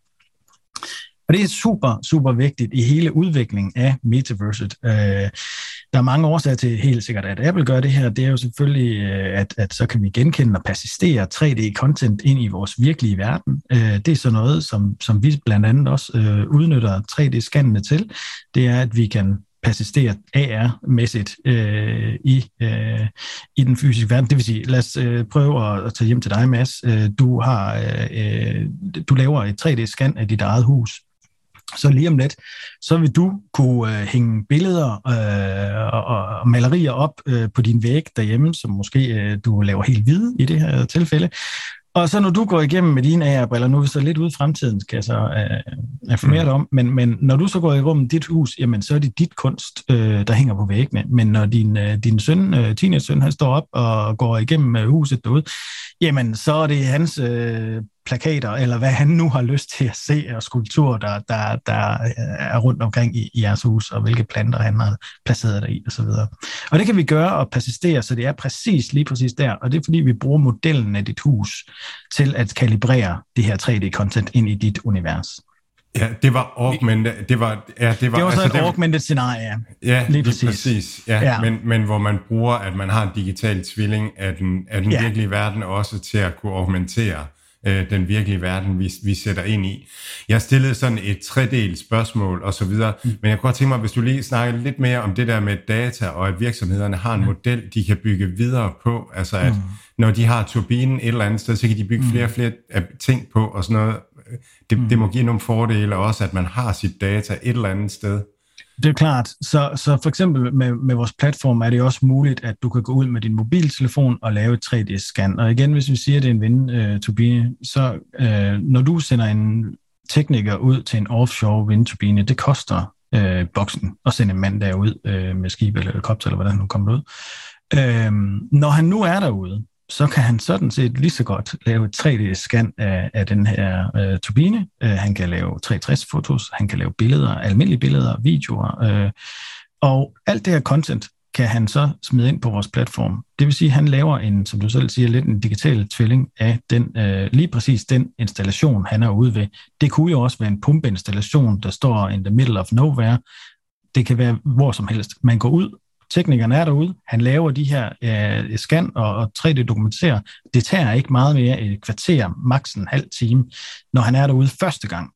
Herefter så kan det smides ind i den virtuelle verden med drag and drop. Det tager cirka to minutter at smide det her content ind i, øh, i et øh, virtuelt univers, og så kan han gemme det, og det vil sige, at det giver en lang række fordele. Øh, en ting er, at inden øh, teknikeren, der skal derud, det kan være det en anden tekniker, det kan være det en ny tekniker, en mere uerfaren tekniker, der skal der derud næste gang så kan han tage sine VR-briller på og besøge stedet, inden han tager derud. Det vil sige, at han er langt bedre forberedt. Han ved præcis, hvilke installationer der er derude. Han ved præcis, hvordan det ser ud. Han ved, hvor meget plads han har med at gøre, hvilket værktøj, hvilke reservedel han skal tage med derud. Det kan gøre, at han måske sparer en tur derud i forhold til, hvis han først tog ud og fandt ud af, hvad det var, han havde behov for, og så skulle tilbage igen, og så derud en gang til. Så han er langt bedre forberedt. Den anden ting er, at du kan bruge modellen til at undervise i, øh, så nye ansatte onboarde med nye med, øh, mennesker, og så kan du faktisk besøge installationer rundt over hele verden, fordi I har 3D-dokumenteret dem med billeder, video, 3D, 360 og 3D-scan. Øhm, den sidste ting, som vi også lige har enabled her i, i foråret, det er, at man faktisk også har mulighederne, øh, hvis man har IoT-data tilgængeligt, så kan man faktisk også persistere sin IoT-data hen over de her øh, komponenter og installationer, som er derude. Så hvis man for eksempel har en, det kan være en pumpe eller en elektrisk installation eller et eller andet, som øh, temperaturmåler, så kan du persistere den med AR, det vil sige, når du er on-site, så kan du se præcis, hvad det er, øh, den, øh, den spytter ud af, af, hvordan den opererer lige nu, og historisk data kan du selvfølgelig også se osv. En anden mulighed er, at inden du tager dig ud, eller hvis der er melder en fejl derudefra, eller et eller andet, jamen så kan du tage din VR-brille på og besøge den her digitale tvilling, som om du står derude, øh, og se præcis installationen, præcis, præcis hvordan øh, pumpen eller maskinen opererer øh, lige nu i det her øjeblik, og måske se, om der har været udfald på den tidligere. Så igen, der får du skabt en uh, digital tvilling i løbet af meget, inden for en time, så har du skabt sådan en nu har du nævnt de her ting for, for de eksisterende, i forhold til de eksisterende løsninger, man slipper for rejsetid, og det er faktisk rimelig mm. præcis, at man står på en, en Starbucks, så kan man, mm. så kan man lave en, en, en kop kaffe virtuelt, øh, og mm. i, i stedet for, at man skal til, til Seattle for at have det her kursus. Mm. Øhm, så det er jo sådan, de ting her, du beskriver til sidst, er jo ret tekniske ting. Er der sådan andre øh, fordele i forhold til de her eksisterende løsninger? Er der måske nogle af de her lidt blødere værdier, at man, i stedet for at man bare sidder hjemme og har et headset på og, og taler sammen over Zoom, jamen så føler man måske ligesom, at man er mere del af det, i og med, at man, man befinder sig i et virtuelt univers, eller er det sådan nogle ting, som, som, som der også er i spil i, i forbindelse med det her? Ja, der er jo meget mere også øh, med de helt almindelige møder eller workshops og så videre. Der kan man jo faktisk også øh, drage øh, nytte af den her form for teknologi på, på mange måder. Teams-mødet er jo glemt lige snart du lukker det øh, i et, et, for eksempel et VR-møde, øh, der kan du hoppe ind, og, og du har whiteboards, øh, du kan skrive tekst og noter, du kan igen hive, hvad der er relevant øh, ind i den her verden. Hvis vi så hopper tilbage til for eksempel anatomi eller et eller andet, jamen, så kan du hive et, øh, det kan være et hjerte, øh, hvis der, du skal stå og, og snakke om det. Øh, øh vi kan også blive i maskinanalogien, det kan også være en, en, en et produkt som en, en pumpe eller et eller andet, du kan få ud i 3D, fuldstændig fuldstændig. Du kan stå og tegne rundt om den, hvis, øh, hvis der er noget, du skal gemme øh, herinde. Det kan være, øh, igen, hvis det er kaffebønnen og så videre, jamen du kan jo forstørre øh, små ting øh, op, kæmpestort, og, og forklare nogle detaljer øh, og så videre, og du kan tegne og fortælle, og øh, du har en helt anden oplevelse af, at de samarbejder, og du har et helt andet fokus, fordi folk, der er til stede deri, de har ikke lige en telefon, for den kan de ikke se. Du har deres fulde fokus, øh, ja. og de kan ikke bare lige slukke for kameraet eller lægge headsetet væk, fordi så kan du se det. Øh, så du er bare immersed, og du husker tingene langt bedre, og du har en langt bedre oplevelse af, at, at du samarbejder, du er der sammen med din kollega, øh, og et helt andet fokus derfra. Og så husker man det også langt, langt bedre end for eksempel et klassisk team eller Zoom-møde. Det er virkelig en spændende pointe, det der med, at hvis man ligesom blinder øh, sanserne fra, og i hvert fald at kunne, kunne blive forstyrret af det, at, at så, er man altså, så må man alt andet lige være mere øh, opmærksom på en eller anden klart. måde. Det er ja. klart. Det er, det, er, det er en ting, vi helt sikkert ser. Du har fuld fokus fra, ja. fra din mødedeltager. Ja. ja. Spændende. er, det, er, det, man, undskyld, er det noget, er I noget fået feedback fra, fra de virksomheder, I arbejder med allerede nu, eller er der allerede noget, noget data, er der allerede noget, noget analysedata ude omkring øh, omkring det her for de virksomheder, som, som allerede er hoppet i, i Metaverse? altså, der er analysedata, men det er også helt praktisk. Det har vi fået uh, tilbage fra, fra mange af vores, uh, vores kunder, der, der allerede bruger det. Det er, det er noget af det første, man oplever, det er, at du har fuld fokus for de mødedeltagere, du, du, du står sammen med uh, på platformen. Jeg, jeg, jeg er simpelthen nødt til at fortælle, jeg lærte at slå høj baghånd i badminton. Det, det kunne jeg en gang som 10-årig, og det var fordi, at, at vi, jeg var på sådan en træningslejr, og så, øh, og så skulle vi visualisere det, så vi skulle ligge med lukkede øjne og mærke, at vores fødder blev tunge, og arme blev tunge, og sådan noget. Og så havde man bare det der fokus et eller andet sted, og så skulle vi visualisere høj baghånd, og så kunne jeg slå den i en time eller sådan et eller andet, og så, så på en eller anden måde. Men, men det må sådan nærmest være sådan noget der, det giver simpelthen så meget mening. Lige præcis. Nå, men, men, men, øh, men, men nu skal vi over til det tekniske og have lidt sådan øh, styr på, hvad, hvad er det egentlig, vi taler om, og snakke om teknologien bagved, både, både de nye ting, der er blevet muligt, men også om de begrænsninger, der er trods alt øh, stadigvæk de næste mange år frem. Men, men vil du starte os ud med at tale om, hvad er XR og, og Metaverse? Jamen, det kan jeg godt. Øhm, X er jo sådan set en sammenslutning af augmented reality, virtual reality, mixed reality, så extended reality. Og det er, det er simpelthen for at slå det samme under en kamp, så man ikke skal sige augmented reality, virtual reality, mixed reality hver eneste gang osv., så, så kan vi slå det hele sammen, fordi det er samme underliggende teknologi, der ligger bag. Og det er også derfor, vi har en bred platform, der kan alle alle delene, øh, både AR, VR og MR i en platform, hvor man i dag selvfølgelig ser nogle lidt mere, altså enten så laver de det ene, eller så laver de den anden, eller så laver de det tredje. Ikke? Øh, der kan man det hele sådan lidt på vores platform. Og når vi så snakker metaverse, jamen, som jeg også lidt var inde på i, i starten, jamen så er det den næste øh, næste generation af internettet, hvis vi kan sige det på den måde. Du har, vi har levet nu i 30 år. Sidste år, tror jeg det var, uh, Tim Berners-Lee publicerede uh, verden, uh, det første website nogensinde i 91. Og uh, nu, står, nu står internettet over for den, den største revolution siden da. Uh, vi går fra 2D internet content til 3D internet og content. Og det betyder jo øh, sådan for den almindelige menneske, at man jo lige pludselig kan øh, stikke hovedet igennem skærmen øh, og opleve tingene i, i 3D. Øh, du kan gå ind i en, en fuld virtuel verden øh, og bevæge dig rundt i det content, der er derinde. Og jeg tror igen, øh, for igen sammenligne med internettets begyndelse, 91, der vidste man skulle heller ikke helt, hvad, hvad skal vi med det her internet? Øh, er det nogen sagde en døgnflue, kan jeg huske, og, og så videre. Efter fem år øh, kom Bill Gates på banen og, og, og kom med de berømte ord, content is king. Hvis vi skulle se den, the true value of the internet, så var det igennem content. Øh, og den er jo ret i.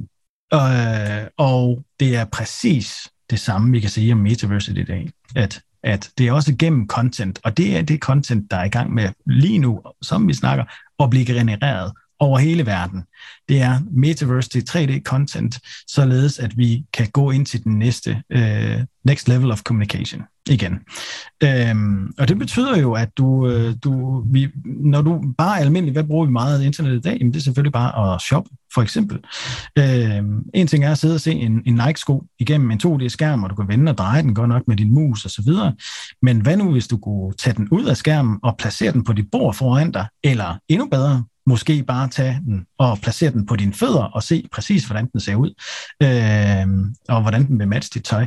Og det er det, vi kan med, med Metaverse. Det åbner op for de her muligheder med, at vi lige pludselig kan begynde at interagere med 3D-content på et helt andet niveau, end vi har kunnet før, som giver os den relation, vi har brug for, for at vide, om det er bedre øh, et produkt, der passer til mig, øh, eller alt den information. Internet bliver brugt til, til alt muligt i dag. Ja. Vil, vil du, øh, hvad er de teknologiske begrænsninger? Øh, for lige at starte der med metaverse, så, så, ja, og så vender vi den lige om bagefter. Men hvad er det, der, der gør, hvad, hvad er det, vi mangler at udvikle? Og, ja. Jamen princippet, altså alle teknologierne er der. Det er også derfor, det sker nu. Det er derfor, at uh, alle taler om det. Det er derfor, at der bliver postet så mange penge i det. Det er fordi, at endelig er teknologierne faktisk til, at vi kan bygge det på nuværende tidspunkt. det har været en, en drøm i lang tid, helt tilbage i 60'erne med Sensorama og så videre, som, som man gerne ville have lavet dengang med en stor boks, man kiggede ind i, og med vind og, og duft og alt muligt. Så kom det jo i 80'erne og 90'erne, er vi jo nogen, der kan huske også, øh, hvordan øh, vi prøvede det ude i arkaderne, øh, men der var grafikkortene og, og headsetsene simpelthen ikke øh, gode nok. Det, der så sker med i 2012, hvor Lucky Palmer han går på Kickstarter med den her brille her hjemme fra garagen af, øh, jamen det, det sætter gang i, i, i den her revolution en gang til. Øh, og, og nu er alle teknologiske drivers til, at det faktisk kan lade sig gøre. Øh, og headsetsene har de jo så siden 2012, det er jo så 10 år siden, øh, virkelig bevæget sig fra, at vi skulle have en stationær computer og eksterne sensorer, til at det hele er bygget ind i headsettet, og vi er nede i en pris nu for 3.000 kroner, kan du købe et headset med fuld computer, skærm, øh, sensorer rundt om dig. Det er imponerende, ikke? Og, og hvad koster en iPhone? Den koster 10.000, så en tredjedel af prisen for, for en ny iPhone, øh, jamen det, det kan du faktisk få et, et virkelig imponerende VR-headset for. Det der selvfølgelig er, det er internetforbindelse. Det er content. Øh, det er 3D. Det er selvfølgelig tungere end normalt 2D-content, som vi har i dag på websites. Så vi skal have en rigtig god øh, internetforbindelse. 4G er, er nok øh, til det, øh, hvis man har til gengæld nogle, øh, nogle optimerede øh, 3D-modeller til det, der hedder real-time rendering.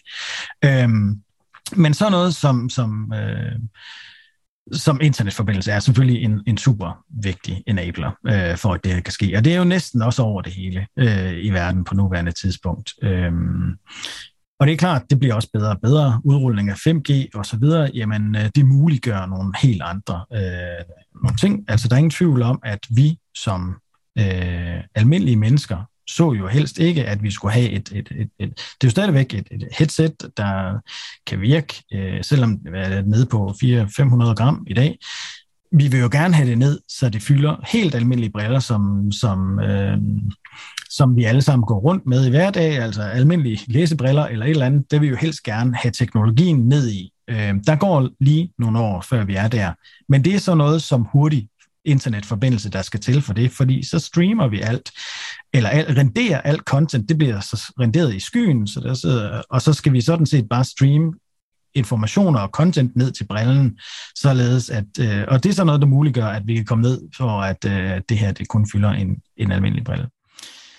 Må, må lige høre til opbyggende til det her, hvor mm. den her udvikling omkring de her, de her briller nu, nu siger du, at, mm. at det er mest begrænsning i content, der er, men selve udviklingen af de her briller her, man kan huske det her, måske det bedste sammenligningsgrundlag, jeg sådan lige kom i tanke om, at de her fladskærms-tv, mm. hvor i starten var det helt vildt så stor udvikling, der var. Når der kom en ny model, så var der 5 øh, cm i tykkelse til forskel, og mm. billedkvaliteten, det blev, øh, det blev 4K, eller hvad det hed, og, og de sidste 4-5 år, når man har købt et nyt, hvis man har købt et nyt fjernsyn, så har du ikke kunne sætte forskel overhovedet på, øh, på de modeller, der er kommet frem, fordi teknologien er så god nu, at det er mere eller mindre bare det samme produkt, de, de lancerer en ny pakke. Hvor hurtigt kommer det her til at udvikle sig fremadrettet? Og der kan du også, må du også gerne komme med content, hvis du har sådan et bud på, sådan, hvor er vi? Øh, er vi det her med, det er sådan, hver gang, at der kommer et nyt sæt briller et år efter, for eksempel, at det er så sådan revolutionerende, eller er vi allerede så, så meget nede i detaljen, at det ikke er det helt store forskel, der er? Jeg synes, det er et rigtig godt spørgsmål. Altså, der er ingen tvivl om, at vi, som arbejder med det her, vil se det som revolutionerende. Mange, altså det vil vi gøre de næste, næste mange år, øh, fordi vi kan se og mærke forskellene både i vores udvikling af de her apps og så videre, men som almindelige forbrugere vil man muligvis ikke opleve, øh, opleve udviklingen så stor. Øh, det, det tror jeg øh, vil, vil være sådan, det bliver oplevet derude, at at man oplever, jeg tror ikke, man, man ser den udvikling så tydeligt, som vi gør. Øhm, men, men lige pludselig, øh, og det er jo sådan, vi er som mennesker, og tid går og så videre, lige pludselig så, wow, hvad skete der? Hvordan fanden kom vi herfra dertil? Øh, hvor, hvor, hvor folk så lige pludselig får øjnene op for det. Det er jo måske fordi, at det ikke er, er noget hverdagsting hver, hver eneste gang. Du lægger heller ikke mærke til den store forskel på en iPhone 12 eller 13 eller øh, øh, i dag, men i starten, der var præcis som du siger, også en kæmpe stor forskel fra, fra gabet fra en iPhone 3 til, til 4 øh, til 5 Øh, det føltes det i hvert fald som, som større øh, gaps, end dem, du ser i dag. Nu begynder vi så at se det igen, synes jeg, med, med de her øh, dybdesensorer og øh, nye teknologier, man begynder at proppe ind, og de bliver mere og mere intelligente, hvordan de kan koble sammen med alt muligt andet. Og der tror jeg, at headsetsene også bliver en hel del af det her. Jeg tror, øh, nogle af de ting, som man selvfølgelig teknologisk arbejder på også. Øh, vi har begyndt at have rigtig meget styr på det. GPU'erne er så langt nede øh, i størrelse og pris osv., at vi kan presse rigtig meget fedt content igennem på de her briller. Så det vi kommer til at se, det er lidt, øh, som vi også så med, med fladskærms øh, TV nu, der kommer en kamp med teknologigiganterne på pixels bedre opløsning, Human Eye Resolutions, det har vi jo i dag, finske Vario, som har et rigtig dyrt headset, øh, men det er super fedt, og det er Human Eye Resolution. Øh, det kræver også en ekstern computer og så videre, men den tror jeg, at vi kommer til at se en kamp på lige præcis pixelstørrelsen, for at vi kan få det mere og mere, mere hum, øh, fotorealistisk, når vi tager de her briller på og føler, man virkelig er der. Øh, så er det jo alt af nye, nye ting, der kommer ind. Så har vi jo set Kickstarter på, øh, på også duft. Øh, vi begynder at få duft ind. Lyd, hele lydspektret også begynder at virke. Øh, du ved, hvor vi får 3D-lyd øh, ind i, i, med ind i oplevelsen. Øh, Jamen, og duften er faktisk også super vigtig, hvis man forestiller sig igen det her træningsscenarie, som du også selv sagde, Mads, øh, ude på bordplatformen. Hvis du lige pludselig, altså der, vi bruger jo sanserne, når vi arbejder. Og hvis du går rundt derude og, og, og, og i en træning, øh, simuleret træning, øh, for eksempel i, i, i et metaverse, jamen så går du rundt derude, og lige pludselig så kan du dufte noget, øh, noget gas. Altså, øh, det, vil, det vil vi ikke kunne gøre i dag, øh, simulere i dag, enten vi vil skulle vise det visuelt for dig. Men hvis vi lige nu skulle begynde at aktivere nogle duftampuller for, at du bevæger dig ind i en eller anden zone, eller noget røg, øh, hvis det er en brandøvelse eller et eller andet, ikke? så begynder du lige pludselig at bruge de andre sanser, du har, som vi ellers er blindet for i, i VR. Det er meget visuelt i dag, og så har vi et lydbillede, som er, er okay, øh, men det kan blive meget bedre. Øh, og det er der også nogen, der, der går rigtig meget op i at investere rigtig mange ting i penge i. Der er også sådan et eller andet med, at, at, øhm, at, at jeg tror mange, når de tænker metaverse, så tænker de den her kæmpe store øh, virtuelle verden, man kan bevæge sig rundt i. Og, mm. og når vi snakker den del, så er der jo helt vildt store mængder data. Øh, vi snakkede om det her med, med at simulere hår, for eksempel, at, at der, så er der en million hår, der hver især bevæger sig øh, med deres egen øh, øh funktion. Lige pludselig så bliver det vildt meget data, hvis der står 100 mennesker med, med, med en million hår, som den her øh, game motor skal på en eller anden måde få til at give mening. Og så er der meget data, der skal flyttes, så så bliver det sådan hardwaren, altså hvor meget kan internetforbindelsen egentlig trække af data, hvor meget hvor meget kan vi komputere lokalt, og, øh, og hvor meget data kan vi, kan vi gemme og, og flytte og sådan nogle ting. Men, og, og der, der, det I laver er jo sådan er jo anderledes, ikke? Fordi at I laver noget, som er, er prædefineret, hvor dataen er flyttet, og I laver et, et rum, hvor det måske er, er mindre mængder af data, der skal flyttes, eller sådan et eller andet. Er der, er der sådan, hvad er det, der gør, at, at det lige er nu er muligt teknologisk sådan, øh, at, at lave jeres, øh, de der, det, det, det er jo et mindre metaverse, og jeres, jeres folk har ikke ben, fordi det, det er svært at håndtere og sådan nogle ting. Er det, giver det mening? Ja, og vi kan sagtens få ben på vores avatar. Det er sådan set bare et valg, vi har taget lige nu. Men det hele handler om prioritering. Hvad er det, der er vigtigt? Ja. Øh, at vi, at du øh, for din situation, om, om det er, hvis du, hvis du er inden for øh, frisørfred, eller, eller øh, du laver produkter til hårpleje, eller et eller andet, jamen så er hår selvfølgelig vigtigt, og så er det der, vi lægger energien, og så alle de andre omgivelser, så, øh, så renderer vi dem simplificeret, det vil sige, det fylder ikke, det tager ikke af GPU-kraften, der sidder i headsetet. Så er det fuld fokus på håret i, i, i den her side, og så er det det, vi renderer og bruger alt GPU-kraften derpå. Ikke? Øhm, og det er det, som vi muliggør i vores øh, univers her, jamen det er, at du får nogle muligheder for at øh, bygge nogle universer, simplificeret med det i fokus, som du synes er vigtigt. Øh, og det er sådan set op til dig selv, hvordan du vil udnytte øh, den, øh, det, det content, der er der i. Det er klart, lige pludselig så begynder hardwaren at være presset øh, af, hvor meget content den kan presse igennem, og så, så begynder du at, at opleve det. Så har vi så nogle funktioner, der går ind og lige giver dig en advarsel om, at øh, nu begynder du faktisk at, at nå grænsen af, hvad hvad headsettets hardware egentlig kan håndtere på nuværende tidspunkt. Så, øhm, så vi vil opfordre dig til at enten skabe et nyt rum, hvor du starter forfra, det vil sige, at du kan lave en portal, for at du hopper fra et univers ind i et andet univers, hvor du så sætter det i fokus, du gerne vil have, at folk har, er detaljeret i.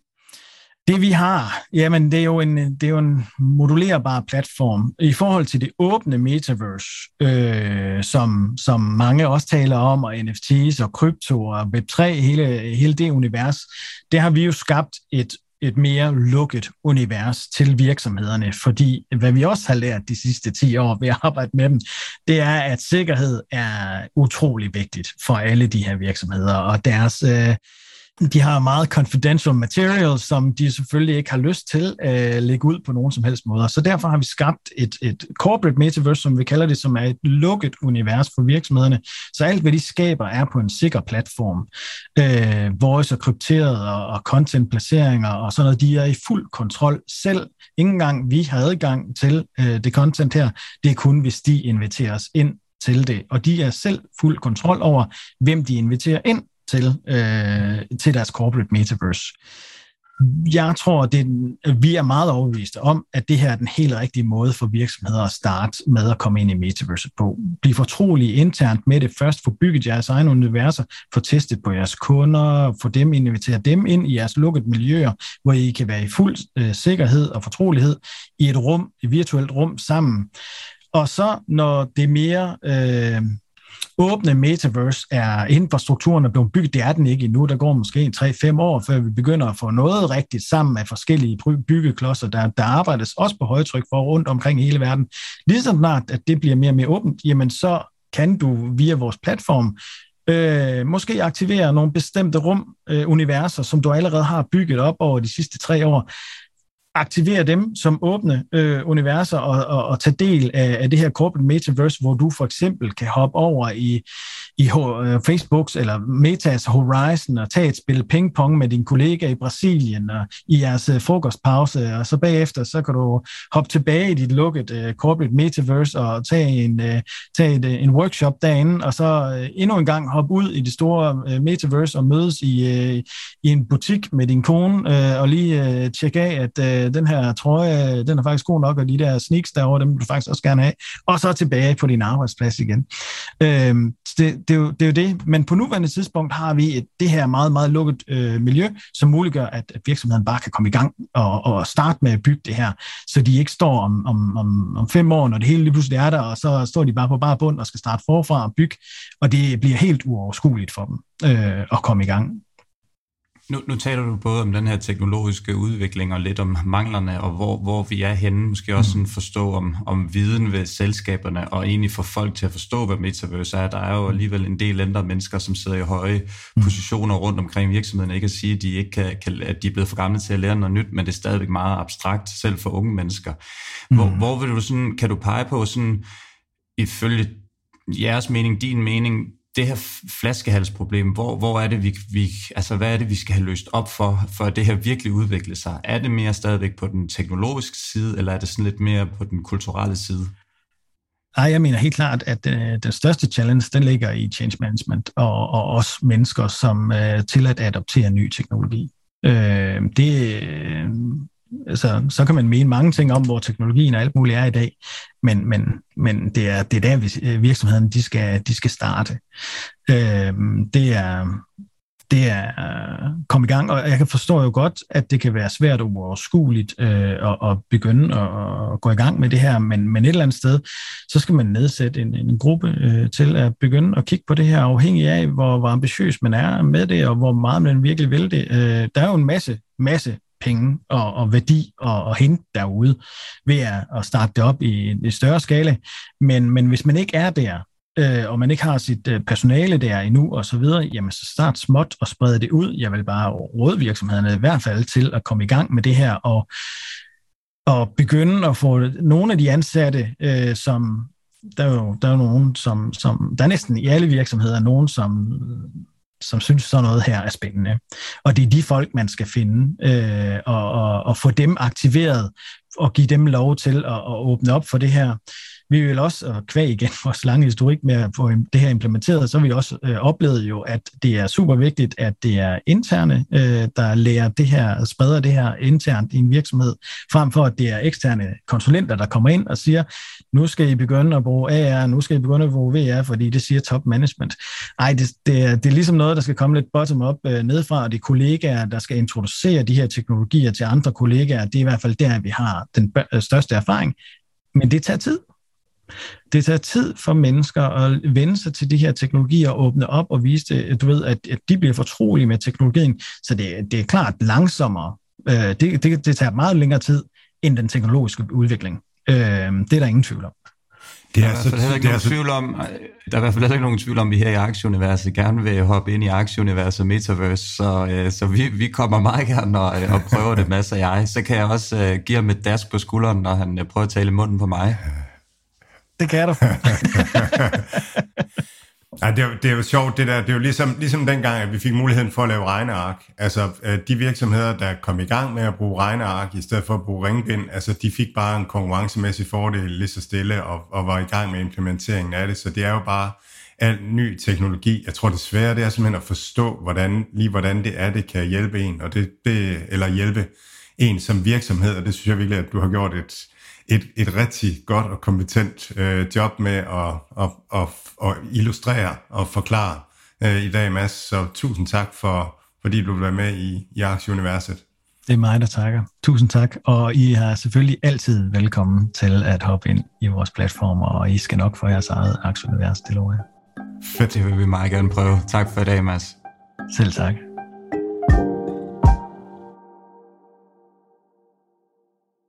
Mads, hvad, hvad, hvad tænker du efter, øh, efter det her helt vildt spændende ja, interview med, med Mads? Ja, helt vildt øh, fedt at, at høre en operatør, og, og at hvis, hvis der sidder nogen derude, som, som laver et eller andet spændende, og øh, ja, inden, for, inden for tech, altså har lyst til at fortælle om virksomhedens historie og sådan noget, så endelig række ud, fordi at jeg synes virkelig, at, at det er guld. Altså, Mads kan virkelig bringe det til live på en anden måde end, end, end mange af dem, som, som jeg i hvert fald hører tale om, om metaverse øh, til daglig. Så, øh, så endelig, endelig række ud.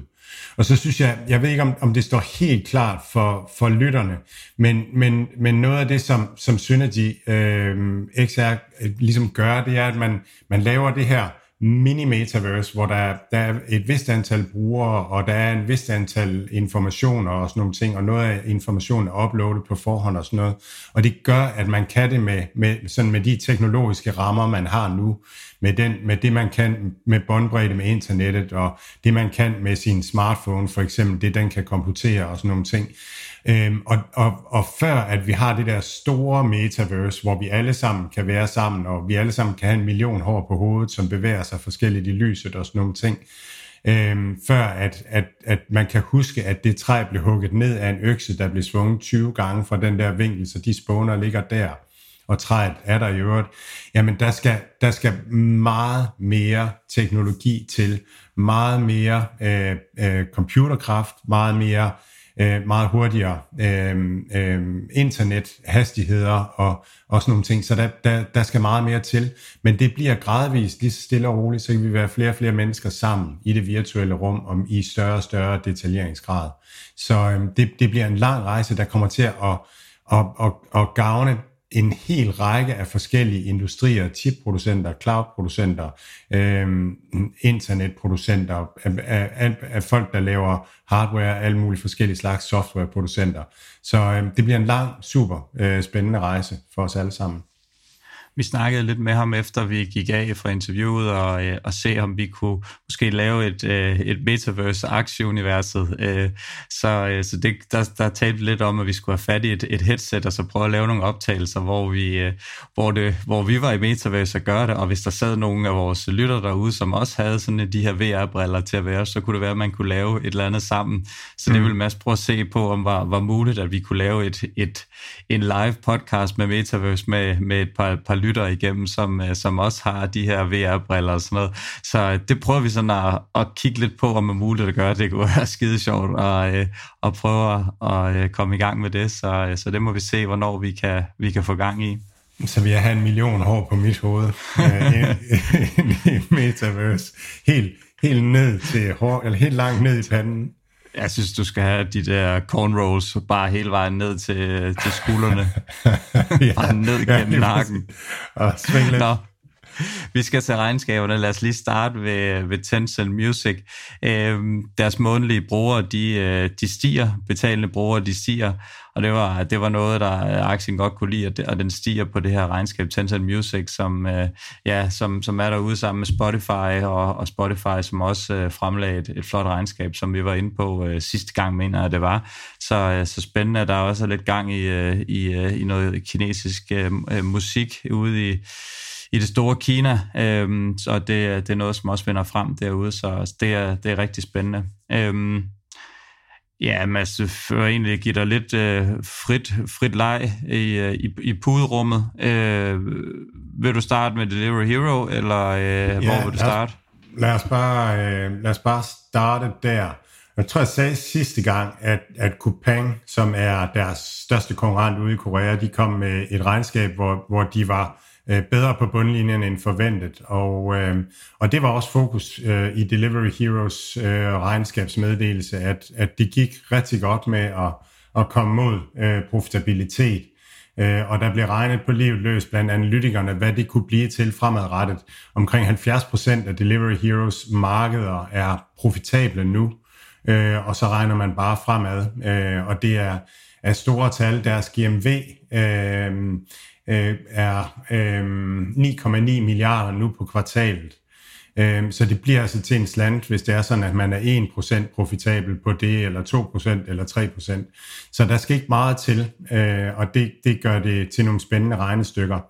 Øh, GMV vokser 18% year over year, revenue vokser 38% øh, til 2,1 milliard, øh, og så guider man for 7% vækst kvartal over kvartal, det vil sige 10% vækst for, for Q3. Ikke, ikke så højt, men det var også stærke kvartaler øh, sidste år. Og så er man begyndt at købe øh, nogle af, af de konvertible obligationer tilbage, simpelthen for at, at udnytte, at man begynder at være ved break-even, og man har penge på kontoen, og man vil gerne, øh, man vil gerne undgå øh, fortønding øh, fremadrettet. Så egentlig bare, egentlig bare et solidt regnskab, hvor at, at, øh, at man begynder at være profitabel. Og jeg tror ikke, at Delivery Hero de kommer til at, at, at tjene en masse penge og sådan nogle ting. De kommer til at investere videre. De har jo købt Glovo op, som opererer i øh, Sydeuropa, øh, Asien og så i, øh, i Nordafrika øh, blandt andet. Nogle kæmpe store markeder up and coming.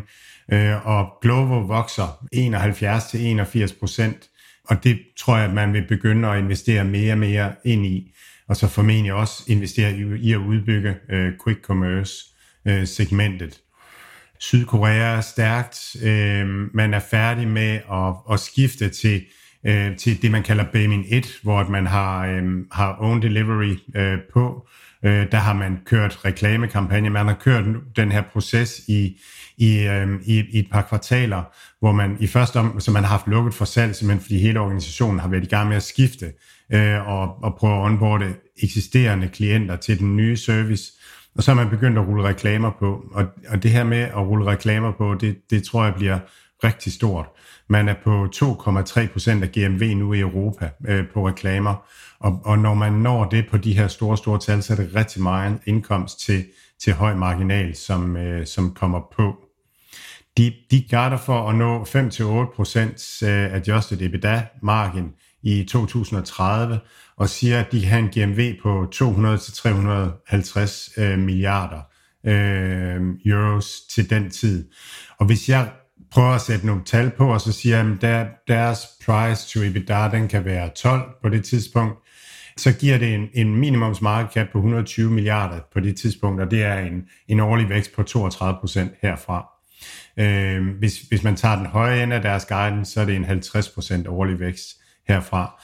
Og som jeg lige antydede i starten, så med den prisseddel, som iFood har fået øh, på, hvis Delivery Hero skulle koste det samme som iFood, øh, så, så skulle prisen være, market cap være gange 3 i dag, altså noget med en share price omkring 150 euros. Så jeg synes, der er mange ting, som, som peger stille og roligt i den rigtige retning, og jeg, hygger mig med at, at, at være, være aktionær i Delivery Hero, og skal være det i rigtig mange år øh, fremadrettet. Så lad os lige blive i uh, Deutschland. Uh, Hello Fresh Group, vores uh, kære venner. Hvordan uh, så det ud? Ja, de kommer ud med, med et regnskab, hvor de vokser øh, øh, 16 procent, øh, øh, hvis, man, hvis man korrigerer for, øh, for valuta øh, kursudsving. De har en stor del af deres virksomhed i USA, øh, og det, så, så, øhm, så det bør man gøre. Øhm, og de guider for en uh, guider ned for væksten hele året øh, til 18 til 23 procent øh, fra 20 til 26 procent. Så en, en lille smule, men, men, men trækker også lidt i land i forhold til den første guidance, de kom med for cirka en måneds tid siden, hvor de siger, at, at der var de nok lidt for, for negativ. De kaldte det screwed up, at de, de havde screwed up in communication, så havde virket mere negativ, end, end de egentlig gerne ville. Øhm, Ja, det, det er stadigvæk en virksomhed, der kommer til at vækste øhm, de her 20-30 procent, øh, som jeg ser det, øh, og kommer til på et eller andet tidspunkt at have en EBIT-margin på omkring 10 procent. Så, øhm, så der, er, der er en masse godt at, at hente. Når man sådan hører dem tale om den lange bane, så taler de om, at, at det her med meal kits, det er første del af det, så skal der øh, forskellige andre ting på. Nu er, er Good Food begyndt med øl og vin, og det, det kommer HelloFresh også til, og de kommer har mad, der er klar til at varme og, og så videre. Så de ser sig selv som skulle sørge for alt, hvad vi har i køleskabet derhjemme øh, ned ad vejen. Øh, ja, så, så jeg synes bare, det er, det er stærkt. De fortsætter med at investere stærkt øh, derudad. Lad os komme over til Adian, Ja, Adrian, øh, et par fintech-regnskaber ude nu her, som, øh, som, som vi kommer til at køre nu. Adrian, Øh, den, den hollandske øh, fintech virksomhed betyder start igen. Øh, den her platform, der er, er, er, er kodet forfra til at tage sig af øh, betalingsløsninger. Øh, og så har de bygget øh, banksøb, øh, banker på, øh, har bank i øh, USA og i Europa, så man, så man også kan operere som en, en bank, og det, det gør, at en del ting øh, bliver billigere og nemmere at, at have med at gøre. Deres omsætning vokser med 37 procent, øh, og øh, det, det, det volumen, de omsætter, vokser med 60 procent øh, year over year.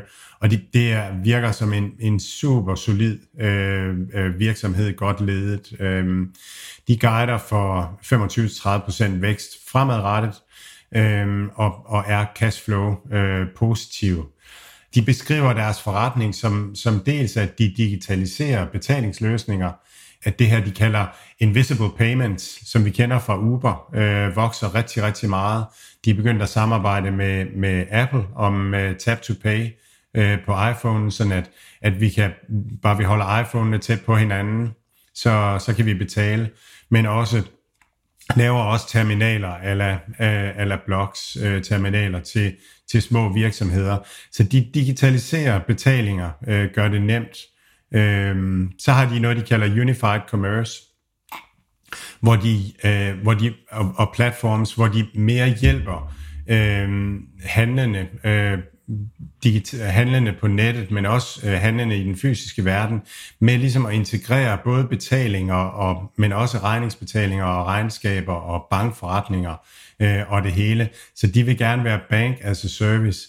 Og altså, jeg, jeg har det bare sådan, når man har hørt dem tale og, og Bill.com, som vi kommer til, og Nubank, så har man det bare sådan, så skal man aldrig eje aktier i en gammeldags bank, øh, fordi at, at de kommer virkelig og... Øh, og bider dem i rumpetten, øh, de her øh, digitale løsninger. Global, øh, Global E? Ja, også en, det ud? Ja, fremragende regnskab. Øh, i, I bund og grund sidste kvartal var de noget ramt af, af Kina og, øh, og, og Ukraine. Og um, fun fact omkring Ukraine, øhm, øh, Glovo, de, er, de, de fortæller, at Ukraine er med food delivery op på 60% af, af tidligere kapacitet. Det er man sådan lidt, lidt overrasket over, at, at det kan være øh, på den måde. Øhm, ja, men, øhm, men Global E vokser 52% i omsætning. Global E er en, en, øhm, en cross-border direct-to-consumer øh, virksomhed. Og det er virkelig en, en trend inden for handel i øjeblikket, at, at de der øh, importører og, og mellemhandlere og alt sådan noget, de bliver mindre og mindre nødvendige. De er bare et, et fordyrende led i, i, mange, øh, i mange segmenter. Så øh, øh, Global E har Adidas som, som relativt ny kunde, øh, og det betyder, at Adidas de kan sælge øh, cross-border øh, via deres hjemmeside eller via en tilpasset hjemmeside, og så sælger de direkte til forbrugerne rundt omkring i i, i de markeder, som de har aftalt med Global E om, at Global E servicerer. Så det gør det super nemt øh, for, for de store brands at gøre. Global E har lige fået Disney på, og det er ligesom sådan et blåstempel, at øh, de kommer der og bliver spurgt, om det var om det var en lokal aftale i, i, øh, i Asien, APAC, øh, men, men, men antyder mere, at det er via hovedkvarteret, og at der er planer om, at, at det skal, skal udvides noget mere. Så det er, det er en, en super interessant aktie, som, som har en mega trend i ryggen, det her cross-border direct to consumer. Det er noget, mange brands gerne vil øh, have en samarbejdspartner til, i stedet for en masse øh, forskellige lokale partnere, som man på en eller anden måde skal holde styr på. Globally e er en israelsk øh, virksomhed, Altså det er sådan en virksomhed, som jeg synes, den, det er en no-brainer at have, fordi det er god risk-reward, men jeg vil aldrig have have en, en stor koncentration af den, øh, trods alt, og en af Pures øh, aktier. Den steg også øh, ja, 6-27 procent på det her regnskab i, i hvad, tirsdags eller onsdags var det, det kom. Øhm, så øh, så der, der, der blev lige taget noget tilbage. Stadigvæk er den nede en ja, 50 procent for året eller sådan noget, så den fik ikke. Men, men det er jo det her, vi snakker om, kommer, kommer, kommer de ud med en, en lille smule positivt og forventningerne, jamen så bliver der virkelig også betalt ved, ved kasse 1 i øjeblikket, ligesom vi i en lang periode har været ude for, at der virkelig også bliver, bliver taget fra igen, hvis der ikke bliver leveret. Og øh, Ja, jeg ved ikke, skal, skal vi bare hoppe til den nu her, apropos måske ikke helt leveret, og dog, jeg kan ikke rigtig, jeg kan ikke rigtig finde ud af det, så jeg glæder mig egentlig lidt til at, at høre, om du kan gøre mig klogere, Mads. Øh, Sea Limited, øh, investorerne, de har i hvert fald ikke taget pænt mod det. Øh, jeg ved ikke helt, om det måske var så negativt, som, som aktien egentlig har, har handlet ned til, men øh, det tænker jeg, du kan, du kan gøre mig klogere på. Ja, altså omsætningen er op med, med 29 procent. Øhm, og, og hvis man ser på, på selve e-handels øh, forretningen, så øh, altså deres services fees der, så stiger de stadigvæk øh, rigtig, rigtig flot. Underskuddet for, for Shopee er, er let faldende, og så er der sådan en masse regnskabstekniske ting omkring øh, det at, at blande en, øh, en computerspilsvirksomheds regnskab ind i, øh, i det samlede regnskab, som, som gør det sådan en lille smule teknisk at, at se på. Men den store negative nyhed, øh, eller i hvert fald det, som markedet tog negativt imod, det var, at de suspenderede øh, guidance for, for omsætning øh, for, øh, for i år øh, og siger, at det vil de ikke guide mere for. Og de siger selv, at øh, det handler om, at, at man ikke vil at man vil ikke styre virksomheden efter en vækstparameter. Øh, og det er noget af det, jeg har talt om mange gange, at, at øh, sådan nogle virksomheder, deres EBITDA-marginal stiger, jo mere dominante de bliver, og derfor så er den eneste rigtige strategi, det er at vækste øh, på livet løs. Det, der så også er sket, altså for at tage markedsandele, men det, der også er sket, det er, at, at vi hører fra alle, alle mulige andre e-handelsvirksomheder, at, at man, man, man, øh, man bliver mindre aggressiv og fokuserer mere på bundlinjerne. Så det giver meget god mening, at Sea Limited skifter deres fokus til øh, et bundlinjefokus øh, for Shopee, og måske for nogle andre strategier. Og øh, så, så så det giver egentlig fint nok mening. Det, det ledelsen siger, synes jeg giver, giver god mening, og jeg synes væksten er der intakt øh, og sådan noget. Jeg, jeg, jeg, jeg, har, jeg, skal, ja, jeg, jeg har skrevet til, øh, til Investor Relations, og sådan har nogle ting, jeg skal have endelig have styr på, øh, inden jeg sådan vil, vil, vil lægge hovedet på bloggen med, hvad jeg synes øh, og hvordan det er. Men, men jeg synes, det var, det var stærkt i forhold til, til det, man regnede med. Og det, som markedet har måske prist, øh, prist Garina for meget ind i den fremtidige tese, hvor jeg synes, hvis man har C-Limited, så har man den på grund af Shopee og, og C-Money. Altså, øh, hvis, hvis den investering lykkes for mig, så udgør øh, computerspilsvirksomheden maks 5% i 2030, mens øh, det resten er, er blevet det store. Det var måske også lidt, fordi Mercado Libre har klaret sig rigtig godt igennem regnskabet, og så var måske forventningerne lige pludselig til C Limited også, at de måske kunne gå ud og, og overraske en lille smule, eller, eller hvad? Ja, det, det, der, det der er rigtig stærkt hos Mercado Libre, det er deres øh, øh fintech-del, øh, som vokser rigtig, rigtig stærkt. Øh, og det gør, det gør C-Money sådan set også, øh, vokser også stærkt. Et, øh, den vokser i omsætning. Jeg tror, den vokser 100 eller øh, 200 procent i omsætning. Øh, 214 procent vokser øh, digital finansielle services hos C Limited. Så, så det er sådan set stærkt nok, men, men, øh, men, men øh, C-Money udgør en meget lille del i dag af, af den samlede øh, C-Group, hvor, hvor den udgør en større del over øh, hos Mercado Libre. Øhm, så, så hvis man ser på, på GMV-væksten, så tror jeg ikke, der var så stor forskel i bund og grund. Ja, den er så øh, modsat øh, Globally nede øh, en, en 20-25 procent ligner også, at den får et, øh, et kæverasler mere her i, i dagens marked. Så øh, 25 procent skulle det regnskab øh, koste. Ja, og jeg tror ikke, jeg tror ikke at markedets syn på, på virksomheden ændrer, ændrer sig, øh, sådan som det er lige nu. Øh, jeg tror, jeg, fordi jeg tror ikke, de kommer til at, at give overskud øh, lige forløbig. Kommer til, jeg tror, de kommer til at omallokere de ressourcer, de eventuelt øh, får fra ved at at, at skrue ned for væksten i Shopee, så kommer man til at bruge det på at udvikle forretning på anden måde. Man har jo 6,6 milliarder på bankbogen, og, og, og Shopee er øh, taber øh, en 600-700 millioner øh, dollars i, i kvartal, så man kan så køre en del kvartaler på det her burn, så hvis man skruer en lille smule ned for, for burnen, og så, så tror jeg, man fortsætter med at prioritere og, og udvikle forretningen for stadigvæk at tage markedsandele. Inden vi slutter af for dag, Mads, så skal vi lige have fat i Nubank. Det er mig bekendt ikke en aktie, vi har talt så meget om før, så kan du ikke lige starte med at præsentere den? Jo, Nubank er, øhm, er en øh, internetbank i øhm, startet i Brasilien øh, og opererer nu også i øh, Mexico og, og Colombia.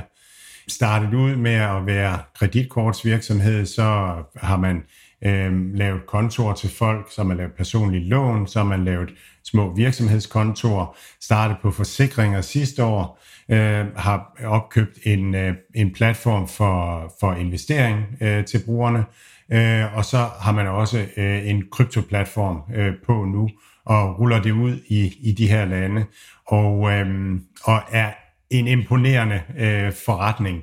Øh, man vokser øh, omsætningen med øh, 230 procent. Øh, hvis man, hvis man korrigerer for, øh, for valutaforandringer, øh, og, og vokser brugerbasen og, øh, og, og, og den totale, hvad skal man sige, omsætning, øh, payment volume, purchase volume, øh, alt sammen i, i rigtig høje tal, op omkring 100%, kreditporteføljen 107%. Så der, der er virkelig øh, vækst på drengen. Og noget af det, som er, er spændende ved det, det er, at, at de siger, at deres omkostninger for at servicere en kunde er 85% lavere end en, end en normal bank. Øh, de, det koster dem 80 cent om måneden at, at servicere en kunde, øh, Øh, og de ligger nu på en gennemsnitlig indtjening på, på 7,8 dollar øh, per kunde, og de modne kunder ligger op på 21 dollar i, i de mest modne kohorter. Så det er, altså det er, det er, det er bare en, en platform, der vokser hurtigt, fordi de har et knaldgodt produkt, øh, øh, og, og, og, øh, ja, og, og gør tingene på en ny og smartere, billigere måde. Øh, det, det, er, det er en virksomhed, som opererer i Brasilien, Mexico og, og Colombia. Øh, så hvis man også har Mercado Libre, så, så skal man tænke sig om, hvor meget risiko man vil have i udelukkende i, i den hjørne af verden. Så for mig bliver det sådan en, igen sådan en, en lille position, og det er, det er altså Globally, e Nubank, uh, øh, Bill.com, det er alle sammen virksomheder, vi har i New Deal Invest. Vi har sådan en meget bred portefølje, hvor, hvor det giver rigtig god mening at have, sådan nogle, have en lille bitte øh, position af den her øh, type virksomheder.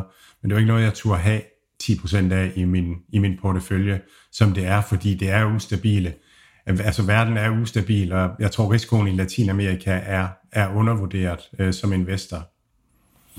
Og så er der lige Bill.com, øh, som, som er den sidste af de her øh, øh, finansielle services øh, virksomheder derude og komme i den her uge.